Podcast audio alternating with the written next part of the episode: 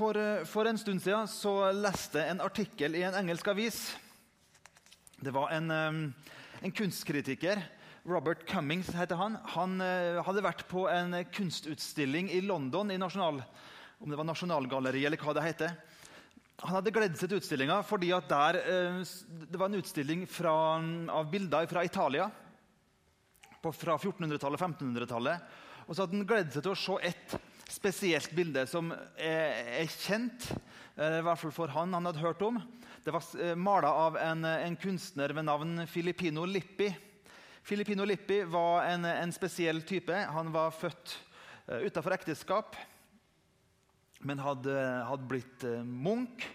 Og, og, og, hans tjeneste som munk var som kunstner. Han mala. Og så Et av hans berømte maleri heter jo 'Jomfruen og barnet'. Det er verdens mest malte port, motiv.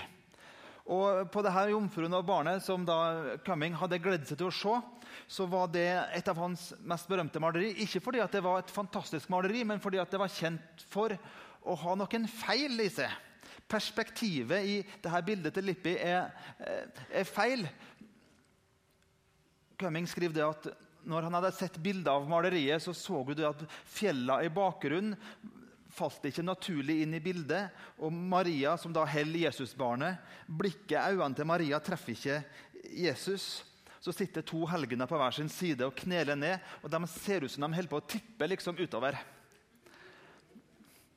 Og Så kommer Cumming på galleriet og så står han foran det her gedigne maleriet og så står han og bedømmer det og ser på det.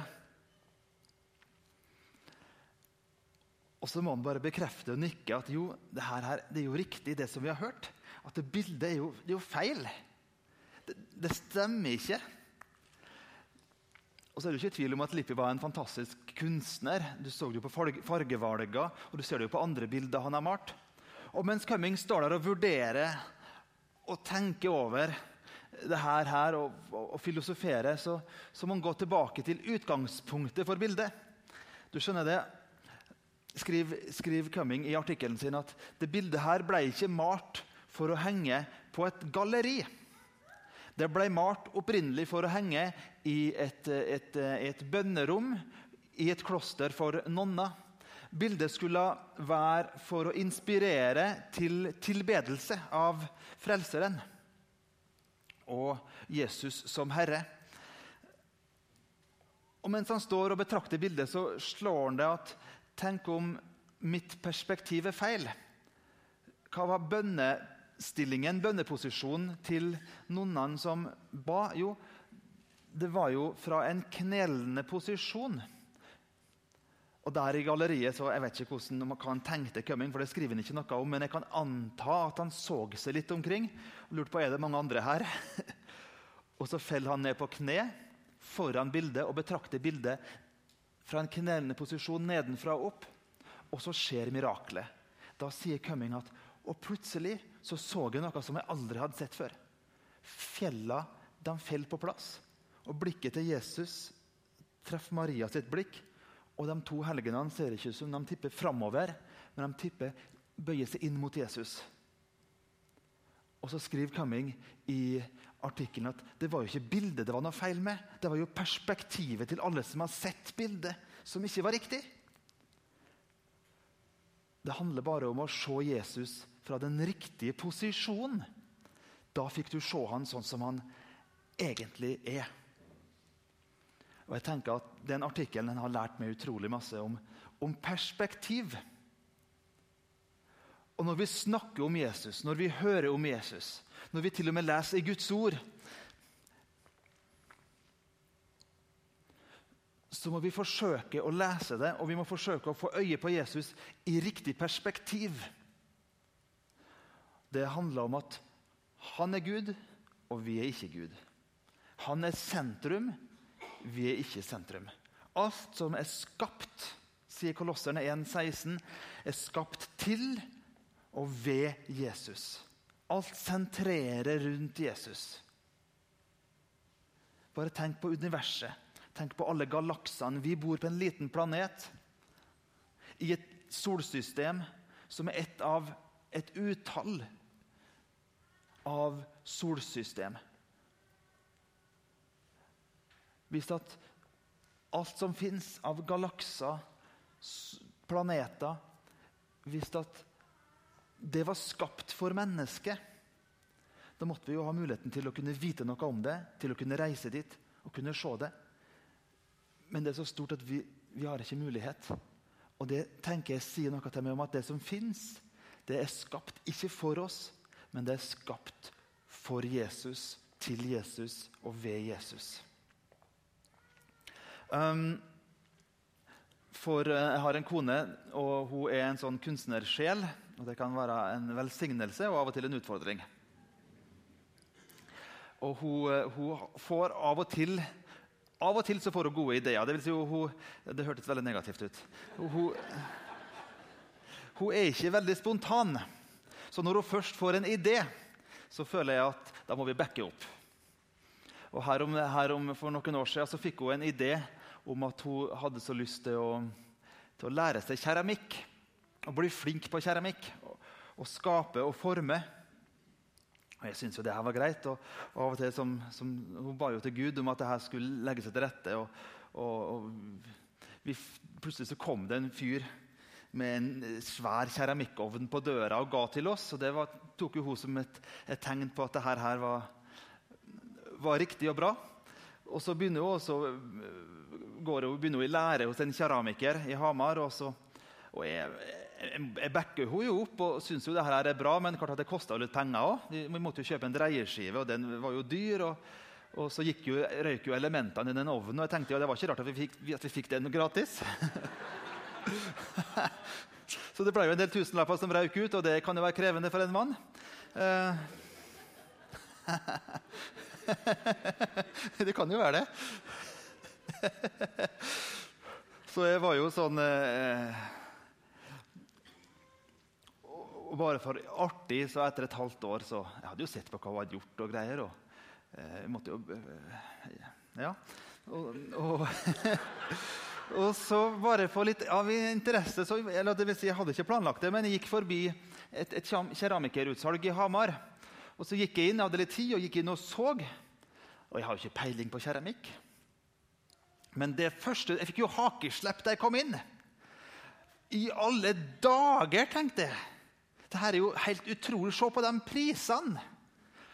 Og du betaler jo tusenvis av kroner for ting du ikke kan se hva er. Aldri i livet om jeg skulle hatt det der i min stue. tenkte jeg. Men, men, men, det var ikke det som var poenget. Poenget var prisene. Og så begynte jeg å sammenligne i alle dager. Og så gikk jeg rett hjem, rett i kjelleren og rett inn i hyllene. Og så så jeg hun er jo flink. Hun er jo kjempeflink! Du kunne i hvert fall se hva det var hun hadde laga. og så tenkte jeg med meg sjøl at Sammenligna Sammenlignet med butikken 3500? Ja, 1500. Og så satte jeg pris inn i hodet mitt på alt sammen. Og så kom kona mi ned trappa er du og ser på det jeg laga? Så var hun litt overraska. Ja, her er jo kjempebra, sier jeg. Og jeg hadde jo liksom allerede liksom sett for meg hvordan vi skulle få betalt de her nye varmeelementene i ovnen, og hvordan dreieskiva skulle bli betalt, og hvordan vi skulle få liksom Ja. Det var en del andre ting jeg så for meg. Som, her var jo veldig lovende. Og så sto det jo ganske mange ting. Det her var det sånn i oktober på høsten, og det sto ganske mange ting i den hylla. Og så ender det opp med at eh, jeg, da, jeg kan jo på en måte snakke før jeg tenker av og til. og så, Den sier jeg, den må du jo selge for 3500. Jeg skal hjelpe til å selge. Jeg, jeg, kan selge. Så jeg skal hjelpe til å selge. Jeg skal ordne opp, og Kanskje skal vi lage oss internettutsalg, og kanskje kan vi dra hit og dit. Og så bare kommer det ideer etter hvert som jeg snakker. Og så ser jeg bare hvordan hun bare står stille. Og det er av og til når du sier noe, så forstår du at du har sagt noe dumt. Det er ingen som sier at du har sagt noe dumt. Du bare kjenner det på liksom, atmosfæren. om du vil. Jeg har litt sånn lave relasjonelle ferdigheter, så når jeg kjenner at jeg har sagt noe dumt, at det er litt sånn dårlig stemning, da er det virkelig dårlig stemning.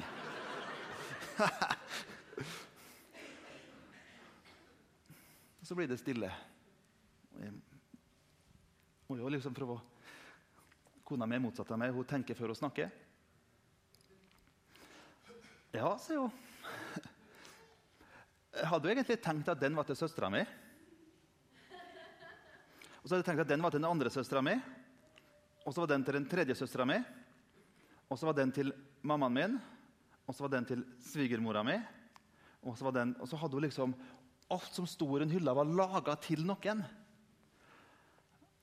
Og så sier hun ikke noe mer. Og jeg bare I alle verdens dager og rike? Tenker nå jeg, da. Og så begynner vi da å diskutere. Og jeg jo, kan jo fort bli litt sånn engasjert. Velger å kalle det engasjement.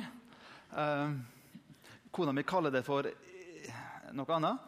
Og så, og så og jeg, jeg, har, jeg, kan jo ha snakket til i orden, så jeg, jeg, kan jo høvle over folk uten at jeg egentlig mener det. Um, og hun følte at hun fikk den der hårføneren. Og så, og så sier hun til slutt, etter at jeg var ferdig Du, Andreas, sier hun For hun er ikke engasjert, hun er veldig rolig. Og, Hvem er det som har laga de greiene her? Hvem Er det som har laget? Er det du eller jeg? Jo, det var, det du som har laga det, sier jeg. Ja, sier hun. Jeg forsto at allerede så hadde jeg tapt. og så må hun bare liksom kjøre kniven og så må hun vri den rundt. Og, og så sier hun at ja, men hvem er da sjefen? Er det du eller jeg? Jo, det er vel Jeg måtte jo krype til korset. Jo, det er vel, det er vel du. Ok, da. Alt det som sto i den hylla, ble gitt bort. Og så følte hun at nå hadde hun gjort sin oppgave som keramiker her på jord.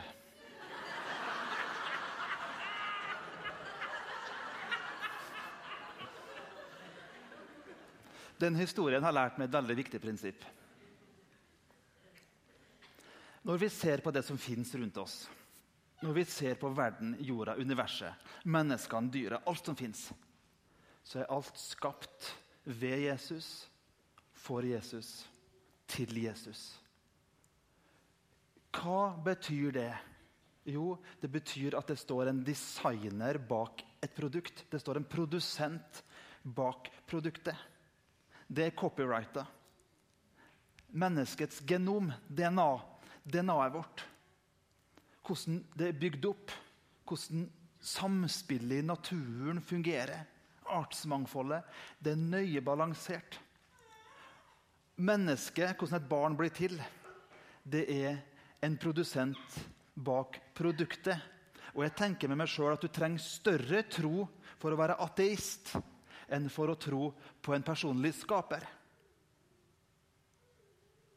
Jeg møter ateister som sier at 'jeg har ikke en tro'. Ok, sier jeg. Jeg tror du har en større tro enn hva jeg har. For din tro når du ikke tror, og når du tror at alt dette er tilfeldig, det krever i mitt begrensa, med mitt begrensa intellekt en større tro enn hva jeg har, for jeg tror at det står en personlig skaper bak, en, en personlig produsent bak alt som fins, som skapte med en hensikt. At det ikke var tilfeldig, det som skjedde. At mennesket ikke er tilfeldig til. Og når vi har det utgangspunktet for at vi mennesker er skapt på skremmende underfullt vis, som definerer vår verdi, da sier det jo noe om hvem Gud er.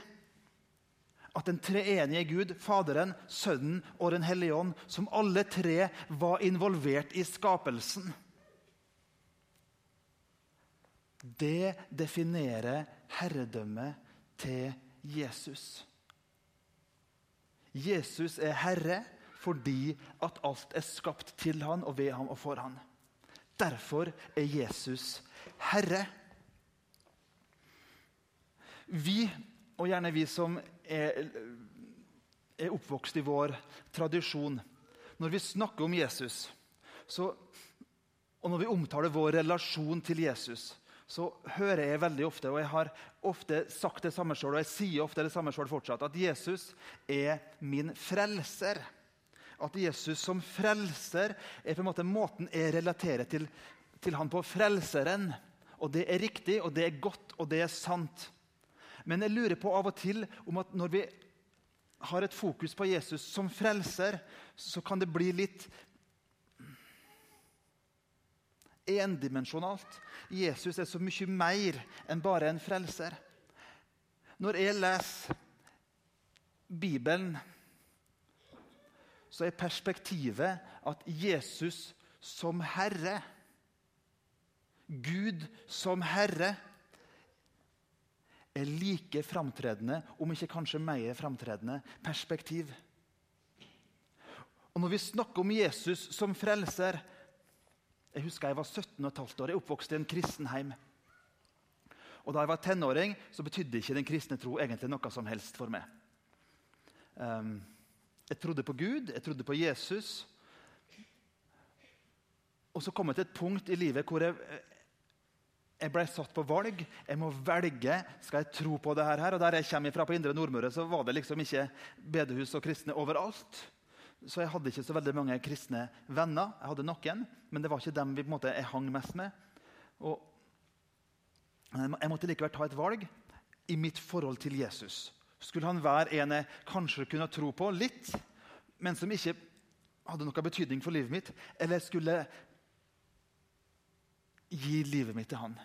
Og Jeg husker jeg satt og jeg, har, er litt logisk anlagt, så jeg måtte lage en argumentasjonsrekke for meg sjøl.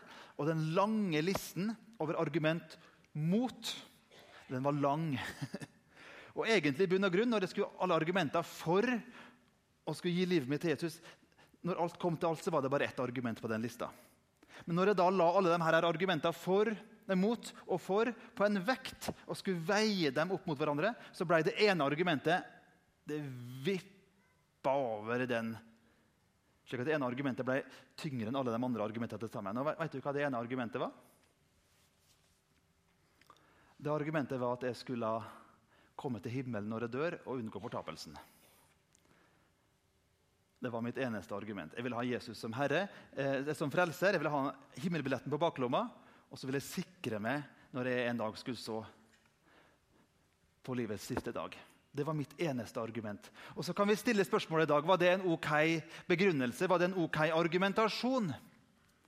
Og I dag så vil jeg si det at det var ikke en gal, det var ikke en feil, det var riktig. Men samtidig så vil jeg si at bildet er så mye større enn bare det. Og i et par-tre år så levde jeg med den forståelsen av at jeg er frelst for at jeg skal komme til himmelen når jeg dør. Og Det var mitt eneste mål her i livet. Ikke galt, ikke feil, men kanskje ikke heller komplett. Og jeg, Ingen av oss mennesker har kanskje det hele komplette bildet uansett, men, men bildet har utvida seg likevel, likevel lite grann.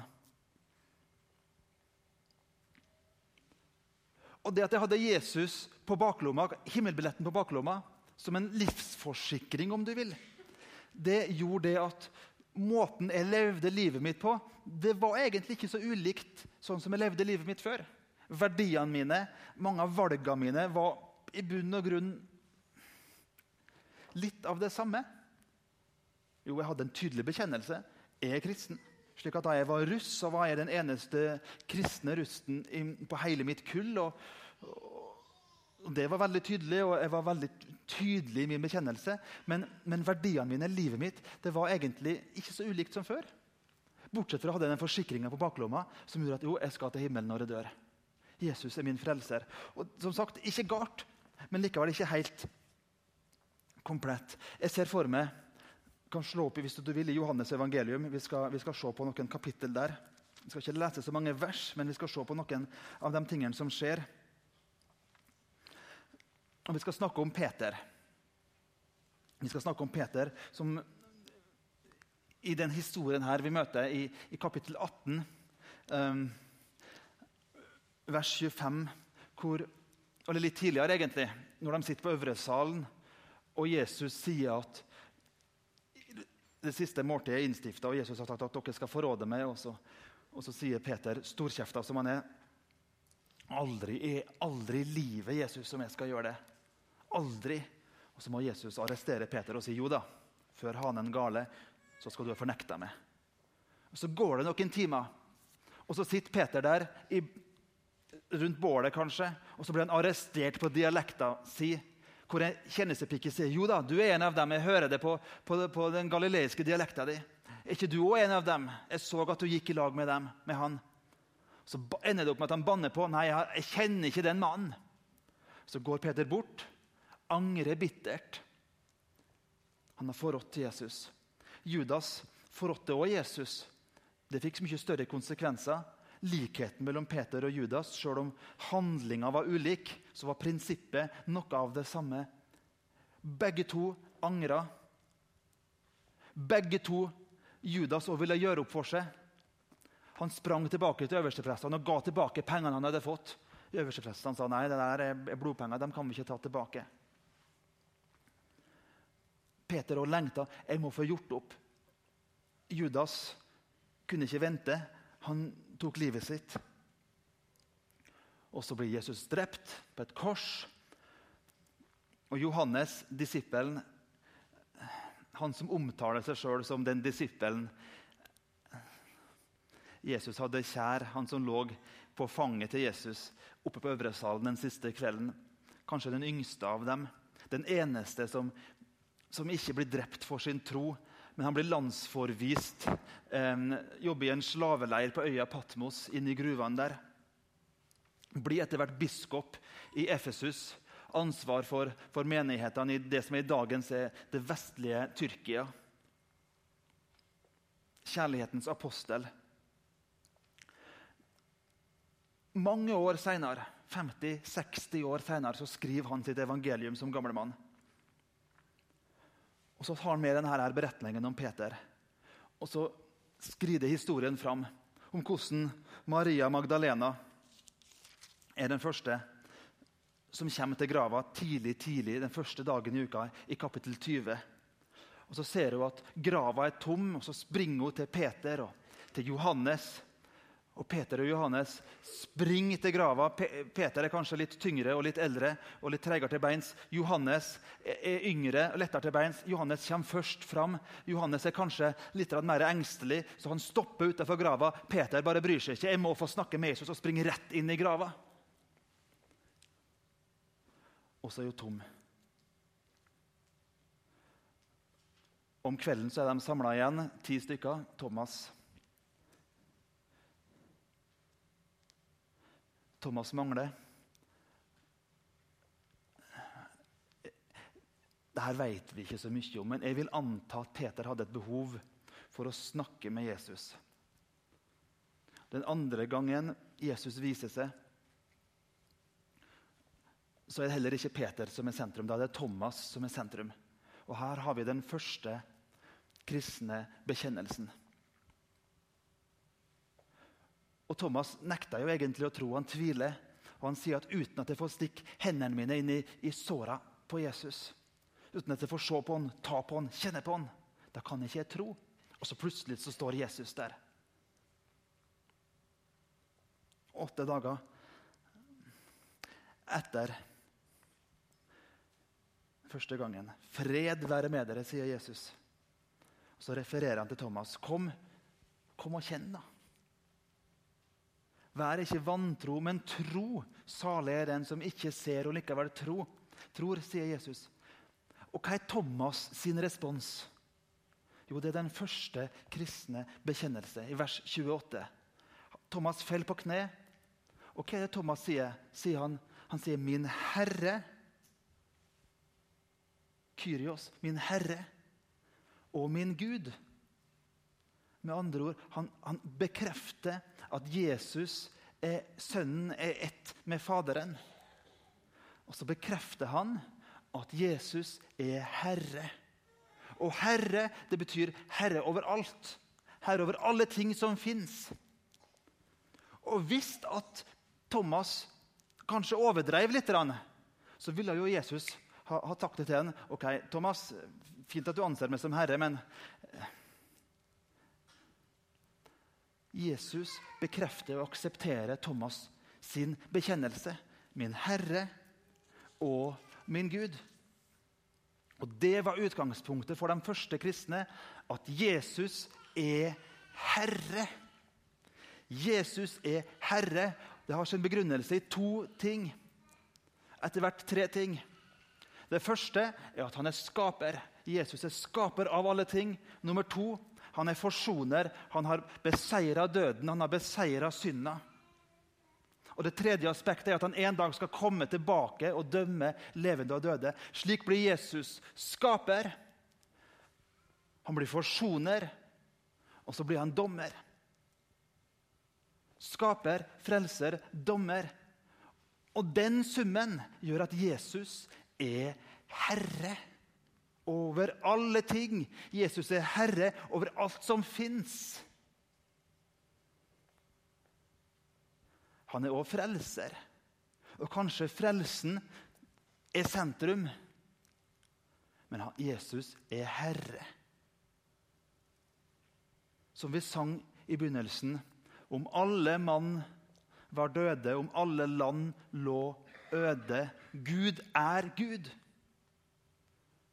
Implisitt. Altså, med andre ord Jesus er herre uavhengig av menneskers bekjennelse.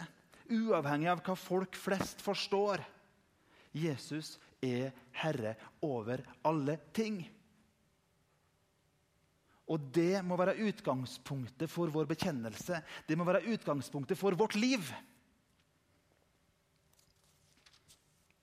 Og så går dagene. Paulus skriver i Korinterbrevet at Jesus viste seg for, først for Kefas, så for de tolv og så for 500. Så det, det kunne ha vært noen møtepunkt mellom Peter og Jesus som ikke Johannes skriver om. Men Johannes nevner ikke det. Og før Kristi himmelfartsdag, før det har gått 40 dager, før pinsedag, 50 dager etter oppstandelsen, så er disiplene tilbake igjen i Galilea. Og så sier Peter til vennene sine nå går vi og fisker. Det var kanskje en god idé. De måtte ha noe å leve av. Eller det var rett og slett bare for å koble av. Eh, måtte ha noe nytt å gjøre på. Jeg vet ikke hva som var motivasjonen helt. Vi blir også med, sier de andre. Og så drar de ut i båten, fisker hele natta. Har dere lagt merke til det to ganger? Det står at Peter fisker. Begge gangene fikk han ingenting. Så det var en, en, dårlig business. Kanskje derfor han, var lett for han å følge Jesus. Det var et dårlig business likevel, jeg vet ikke. Men den gangen her så fikk han heller ikke noe fisk. Og så det, Jeg ser det for meg med, med, mitt indre øye. Akkurat i det øyeblikket hvor tåka ligger tjukt over vannet, og, og, akkurat brytning mellom lys og mørke, hvor sola begynner å, å, å beseire nattens mørke. Og så er de trøtte. Det er helt stille. Det er blikkstille. Og så har de begynt å bevege seg mot land, sakte, men sikkert. Og Peter gruer seg kanskje allerede på Han må jo ha en unnskyldning til både svigermor og kone. At nei, det var dårlig fangst. og tenke ut unnskyldninger. Det er jo som regel slik når vi har vært ute og fiska og ikke fått noe. Så står det en mann på stranda.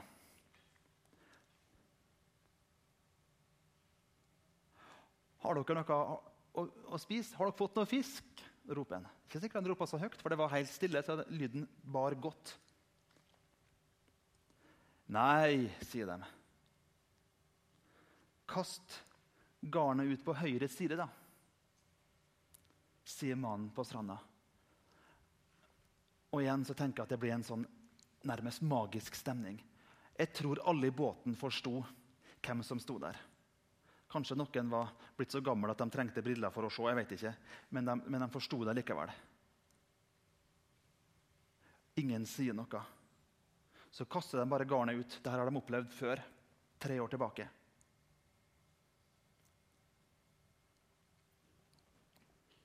Det var den gangen Peter falt for Jesu føtter og sa, 'Gå bort fra meg, jeg er en syndig mann.' Nå har de vandra sammen i tre år. Og så står han på stranda etter å ha beseira døden. Og så ender relasjonen med Peter at han nekter på at han kjenner denne her mannen. Og så er det stilt, og så blir det så mye fisk at de vet ikke hva de skal gjøre. Og så bryter Johannes, den yngste, han som kanskje ikke har lært seg nok av sosiale koder ennå, jeg vet ikke. Men han er den som utbryter. Det er Herren. Legg merke til hvordan han omtaler Jesus. Det er Herren. Og da, Peter, da Simon Peter forsto det, da, da kasta han seg i vannet. Vrenga av seg kappa og kastet seg uti og svømmer til land. Nå må jeg ha noen minutter alene med Jesus. Og hva Peter og Jesus snakker om der på stranda, før de andre får komme inn, det vet vi ingenting om. Og Interessant er det at da de andre disiplene kommer til land, så sitter Jesus allerede og griller fisk. Og Hvor han hadde fått fisken ifra, det sier vi heller ikke teksten noe om. Kom og få mat. Så er det ingen som, av disiplene som tør å spørre hvem er du Men de visste at det var Herren, bruker de dette ordet igjen, i vers 12. Og så stiller Jesus dem her, i alles påhør stiller de her tre spørsmåla til Peter. Elsker du meg? Elsker du meg? Elsker du meg? Tre ganger. Kanskje fordi at Peter fornekta Jesus tre ganger, så må han på en måte Overfor de andre disiplene så må Peter bekrefte. Og Siste gangen Jesus stiller spørsmålet, så blir Peter lei seg. Han blir bedrøva. Og så sier Peter at 'Herre' Igjen ordet 'Herre' i vers 17. 'Herre, du veit alt.' For en fantastisk bekjennelse å komme til Jesus med. 'Herre, du veit alt.' Du veit jo at det snakker før jeg tenker. Du veit jo at av og til så kan det gå litt i tullerusk. Av og til så veit du at jeg blir sint. Av og til så veit du Du veit alt, Herre. Du veit at jeg egentlig er en feiging. Du veit egentlig Du veit hva som skjedde. Vi så hverandre der i bakgården rundt bålet. Øynene mine møtte øynene dine. Du veit alt. Herre. Igjen den betegnelsen på Jesus. Og så får Peter sitt kall. Fø sauene mine, sier Jesus. Med andre ord, pass på. Pass på flokken, pass på de troende. Gi dem mat. Led dem. Og så sier Jesus i vers 18.: Sannelig, jeg sier deg, da du var ung tar Jesus utgangspunkt i Peters liv. Da du var ung, bandt du beltet om deg og gikk dit du selv ville. Med andre ord så sier Jesus at Peter, du, egentlig, du er egentlig en villstyring. Ingen kunne komme og fortelle deg hva du skulle gjøre. Du var herre over eget liv, du var sjef i eget liv. Ingen kunne fortelle deg hva du skulle gjøre. Og så profeterer Jesus over Peter. Men når du blir gammel, skal du strekke ut hendene dine. Og en annen skal binde beltet om deg og føre deg dit du ikke vil.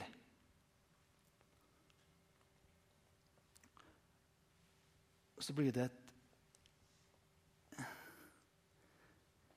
et motsetningsforhold i hvordan Peter var, og hvordan Peter er og skal bli. Og det her skriver jo Johannes 20-30 år etter at denne profetien Jesus gir til Peter, har gått i oppfyllelse.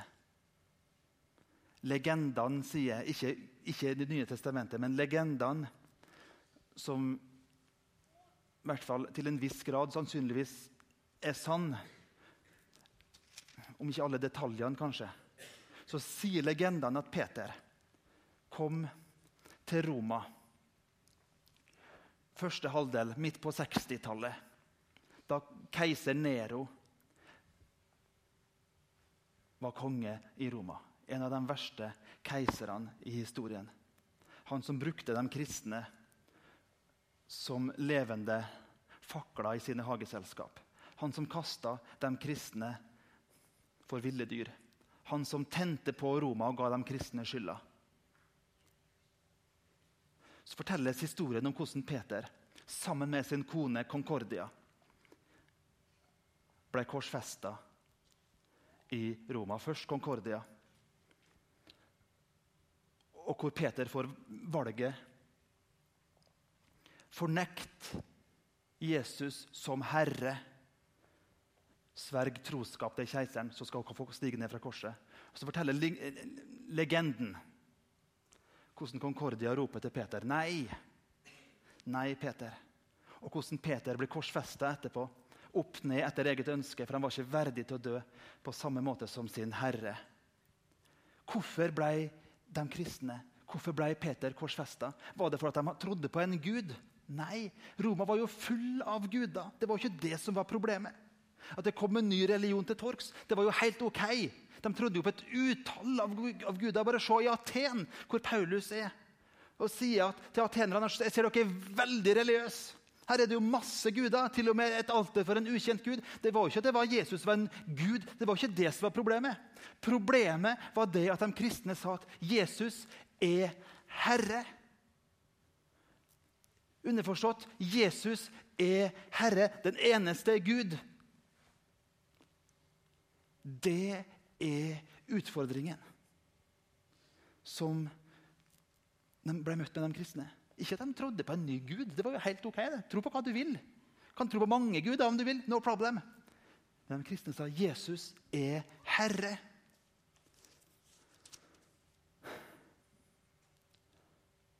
Og når Johannes skriver sitt evangelium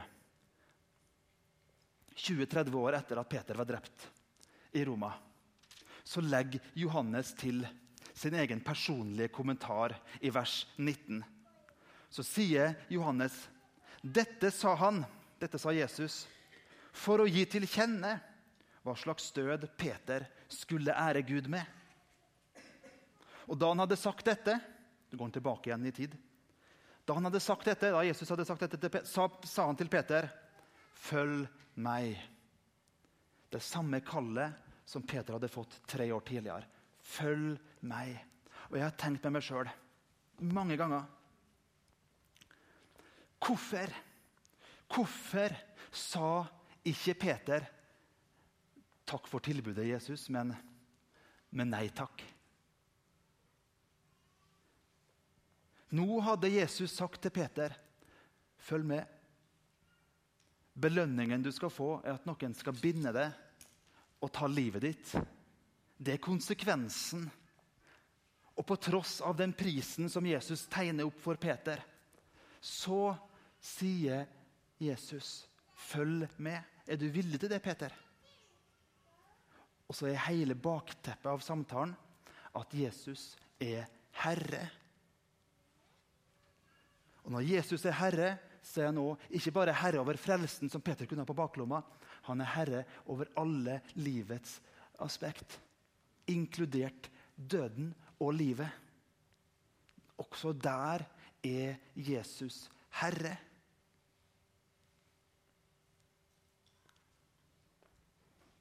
Hvorfor sa Peter takk for tilbudet? Ja takk. Istedenfor å si nei takk. Det ville jo vært så lett å henvise til sin svigermor. Noen gjør jo det av og til. Og kona si, familien sin. Jeg må jo forsørge familien min. Vi har jo et, et hus i Galilea. Jeg har ikke vært hjemme på tre år. Knapt nok. Hva med barna mine? Hva med vennene mine? Hva med jobben min?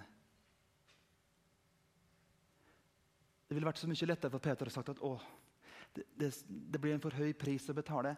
Det har vært så mye lettere å bare bare ha det som frelser. Jesus, kan, ikke bare, kan ikke du bare være frelseren min, så kan jeg leve mitt normale liv, og så kan jeg gå i kirka på søndag, og så kan vi ha det fint og flott? Det er ikke det Peter sier. Han sier at Jesus, du er herre. Med andre ord, du er herre over alle livets områder, også over døden og livet. Og så responderer Peter på det kallet. Og hva var motivasjonen til Peter? Jeg tror at motivasjonen til Peter er det en mann som heter Polykarp. Polykarp var disippel av Johannes, som skriver dette evangeliet. Polykarp var en gammel mann da han ble dømt til døden.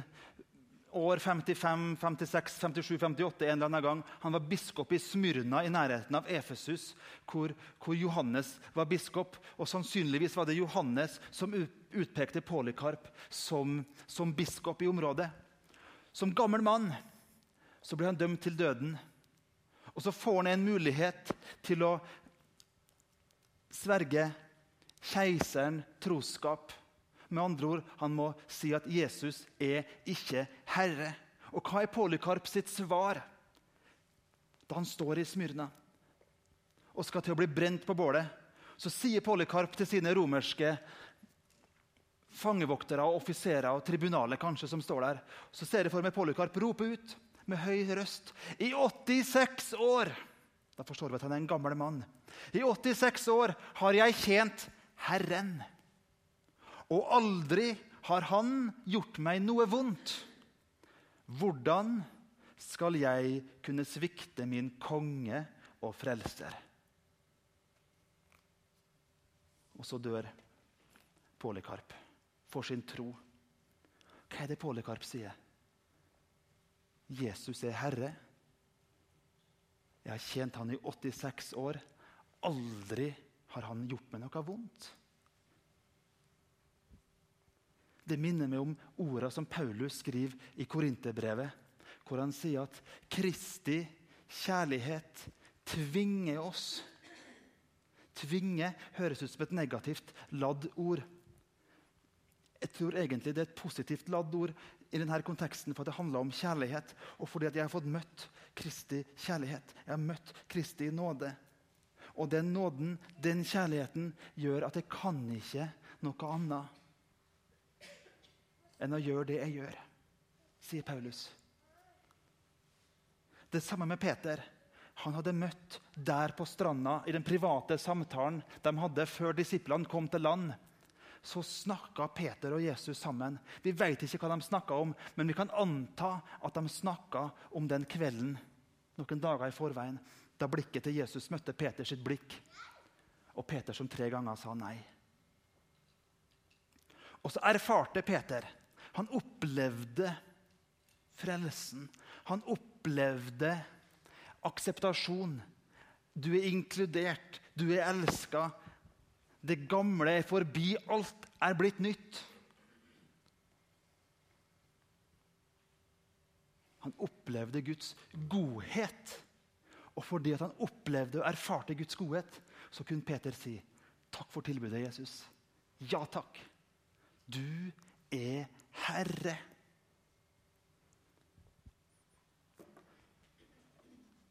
Skal vi straks avslutte her? Men jeg har lyst til å stille et par spørsmål som vi kan tenke igjennom. I og med at Jesus er Herre, som skaper, frelser og en dag som dommer Hvilke konsekvenser får det for mitt liv? Hvilke konsekvenser får det for måten jeg lever livet mitt på? For mine valg, små valg og store valg? Hvilke konsekvenser får det for måten jeg behandler mine barn på? For måten jeg behandler familien min på? For måten jeg forvalter min personlige økonomi på? Måten jeg forvalter tida mi på? Hva jeg prioriterer? I forhold til valg, i forhold til jobb, økonomi, utdanning Relasjoner, ikke minst. Jesus er nemlig frelser, men han er mer enn frelser. Han er herre. Herre over alle ting, også over mitt liv. Og jeg har sagt til Jesus, 'Jesus, du er herre i mitt liv'. Og når han er herre, frelser og venn, da får det konsekvenser for mitt liv. Og så må jeg gå til Jesus og så må jeg si, 'Jesus, vær herre i mitt liv'. Og så må jeg følge etter der han leder. I små valg og i store valg. Av og til er det en kostnad. Oftest er det en glede. Alltid et privilegium.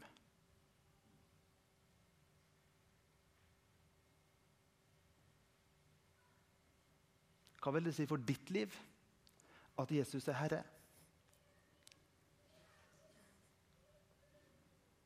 Det vil se forskjellig ut. Vi er ulike mennesker. Det vil ikke se likt ut. Men prinsippet er det samme. Vi har sagt ja til å følge Jesus. Hvordan vil Bergen kunne se ut?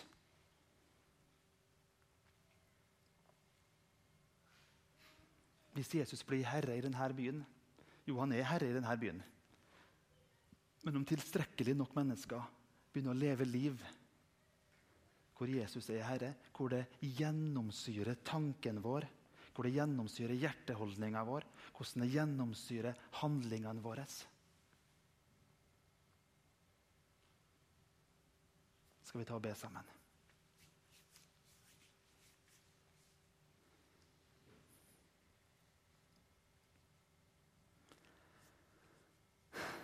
Jesus, vi har lyst til å si det samme som Thomas. I vår tvil og til og med kanskje vantro så vil vi bekjenne og erkjenne at du er Herre. Min Herre og min Gud. Jeg har lyst til å be for mitt liv. Kom og vær Herre i mitt liv. Jeg har lyst til å følge deg, Jesus. Med alt som jeg er, og alt som jeg har. Alt som jeg tenker, og alt som jeg gjør. Så vil jeg følge det. Hjelp oss til å følge deg, Jesus.